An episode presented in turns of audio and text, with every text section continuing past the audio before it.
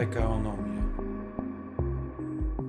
PKOnomia, czas start. Kolejne nasze spotkanie z Ernestem Pytlarczykiem, głównym ekonomistą banku PKO SA. Witam Cię, Ernest. Cześć. No i od razu takie szybkie pytanie. Czym w ostatnich dniach albo może tygodniach najbardziej zajmują się ekonomiści? Myślę, że inflacja jest tym numerem jeden i to nie tylko w gazetach, ale też no właśnie w periodykach ekonomicznych i po prostu na rynkach. Rynki odmieniają ją przez różne przypadki. Pojawia się nawet taka ostatnio nośna teza stagflacji, czyli inflacja wysoka, niski wzrost. Od razu powiem, że no, myślimy, że to jest bardzo mało prawdopodobny scenariusz, czyli takie coś podobnego do tego, co widzieliśmy w latach 70. na rynkach rozwiniętych, kiedy właśnie mieliśmy szok energetyczny. Myślę, że po pierwsze teraz energochłonność jest dużo mniejsza gospodarki, no i ten wzrost też wydaje się tylko przejściowo być słabszy, ale rzeczywiście inflacja w różnych przypadkach odmieniana, inflacja, która z miesiąca na miesiąc zaskakuje. Jakbyśmy popatrzyli na prognozy z początku roku, w Polsce ekonomiści mieli inflację na koniec roku prognozowaną w okolicach 3%.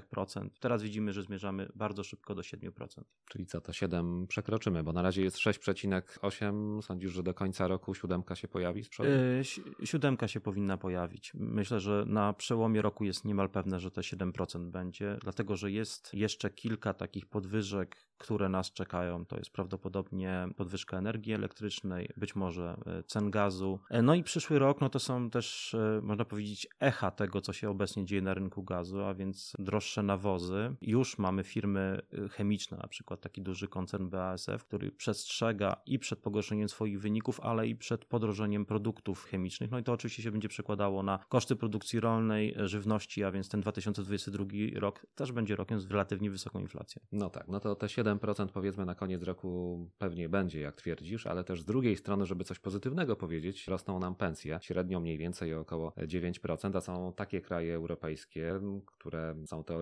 silniejsze od nas, ale gorzej sobie radzą w tym czasie. No na przykład chyba ciekawym przypadkiem jest Hiszpania. Tak, Hiszpania, Portugalia to są kraje, gdzie rzeczywiście stopa bezrobocia jest wysoka. W Hiszpanii przekracza 14%, a jak popatrzymy na inflację, 5,5% inflacja w Hiszpanii, no to jest inflacja e, bardzo dotkliwa społecznie. Ona wynika w dużym stopniu z wzrostu cen energii. 30% rok do roku wzrost cen energii w Hiszpanii. W Polsce jest to poniżej 15% nadal. My mamy po prostu większą inflację bazową, czyli tą inflację, która jest trochę związana z popytem konsumenckim. W Hiszpanii taka inflacja jest bardzo niska, dlatego że to jest gospodarka, tak jak i portugalska, mocno dotknięta przez wpływ COVID-u na branżę turystyczną. Tam po prostu presji popytowej e, nie ma, a mimo wszystko ta inflacja jest tak duża. Zresztą jak patrzymy na, na Europę, no to tym wspólnym mianownikiem jest oczywiście wzrost cen energii. Szczególnie to było widoczne na rynku gazu. Na giełdach europejskich cena gazu pięciokrotnie wzrosła w tym roku. No i to jest to wspomniane efekty i echa, które będziemy widzieli również w 2022 roku, a więc no też koszty produkcji wyrobów chemicznych, w tym nawozów. Stagflacja. Powiedziałeś e, takie ważne słowo, ważny termin.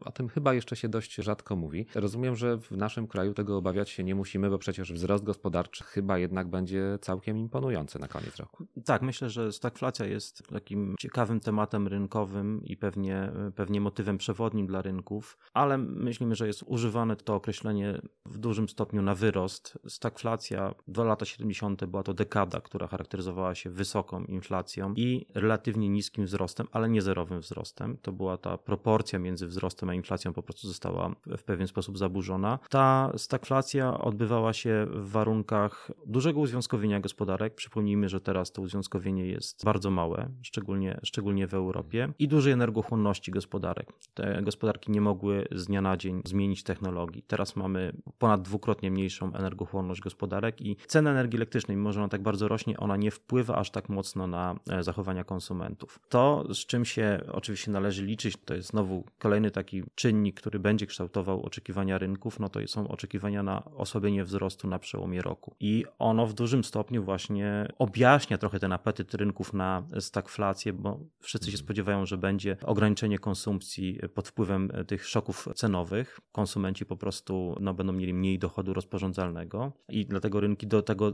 dokładają jakby całą dłuższą historię, przeciągając to na kolejne lata. To jest, jak powiedziałem, mało prawdopodobne. Tym się też różnimy obecnie od lat 70., że tempo inwestycji, nie tylko w Polsce, ale również w Stanach Zjednoczonych, w Europie jest dużo większe, a więc to są gospodarki, które inwestują i będą mocno inwestowały. Nawet jakbyśmy tu wskazali transformację energetyczną, ona też się wiąże z dużymi nakładami inwestycyjnymi. Trochę z naszego podwórka o tych inwestycjach, bo mamy takie dane, które wydaje mi się, że bardzo są jednak pozytywne, mówiące o sektorze MŚP, małych i średnich firm, gdzie akcja kredytowa wzrosła o 20%, więc to jest y, chyba dobry sygnał.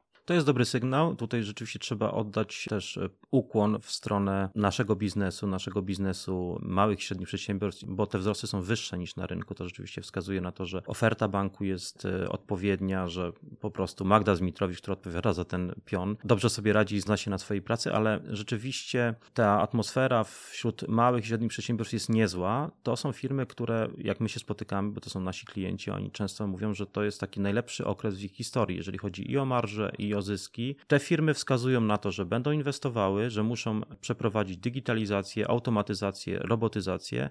Jest też kolejny bardzo ciekawy e, wątek w tych dyskusjach z przedsiębiorstwami. E, oni wskazują na taki apetyt kształcenia kadr e, w swoich zakładach, a więc coś na wzór systemu niemieckiego, holenderskiego, gdzie kształcenie pracownika odbywa się często w zakładzie pracy i bardzo aktywna jest rola pracodawcy. A więc może jeszcze w Polsce tak jakby systemowo nie jest to dojrzały model, ale przedsiębiorcy zgłaszają taką chęć, widzą, że rynek pracy jest w tym momencie rynkiem pracownika, są niedobory pracowników, jest presja płacowa, pomimo ryzyka, że taki pracownik może zmienić pracodawcę, chcą to ryzyko podjąć, chcą zwiększyć swoją atrakcyjność, ale też poprawić kompetencje pracowników. Myślę, że to jest bardzo ciekawy sygnał z rynku i będziemy z dużą uwagą śledzili, czy to będzie się rozwijało w taki model bardziej systemowy. No i ja tu będę się upierał, że to jest oczywiście dobry, pozytywny sygnał dla naszej gospodarki. Mam nadzieję, że za chwilę jeszcze jedną dobrą informację od Ernesta e, wyciągnę. Jak szacujesz PKB tegoroczne? Bo pamiętam, że kiedy spotykaliśmy się w PKOnomii, to były no oczywiście trochę różne czasem opinie o naszej sytuacji, bo wiadomo, sytuacja covidowa też to mhm. wymuszała. Piątka będzie na koniec roku? Ja myślę, że 5% dowieziemy. My w tym roku tak bardzo nie zmienialiśmy. Zaczęliśmy z 4,5, potem mieliśmy 5,5, a teraz pod wpływem takich właśnie globalnych, ale też trochę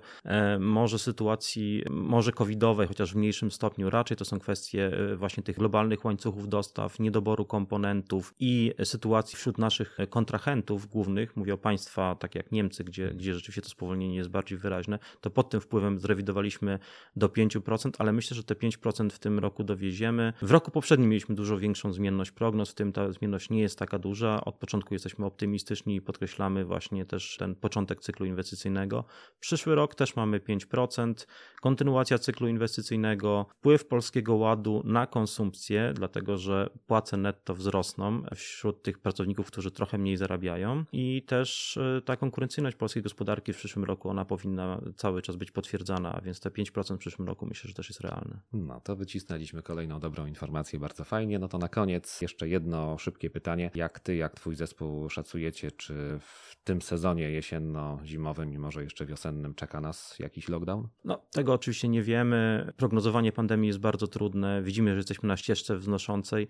Apetyt społeczny na ograniczenia jest niewielki. E, z drugiej strony możemy się szczepić, a więc to jest to, co odróżnia tą drugą falę od, od czwartą falę od drugiej fali.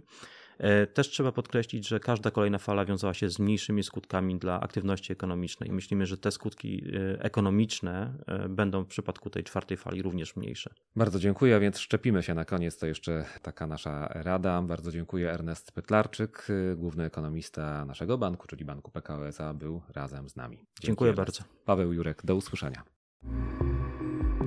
PKO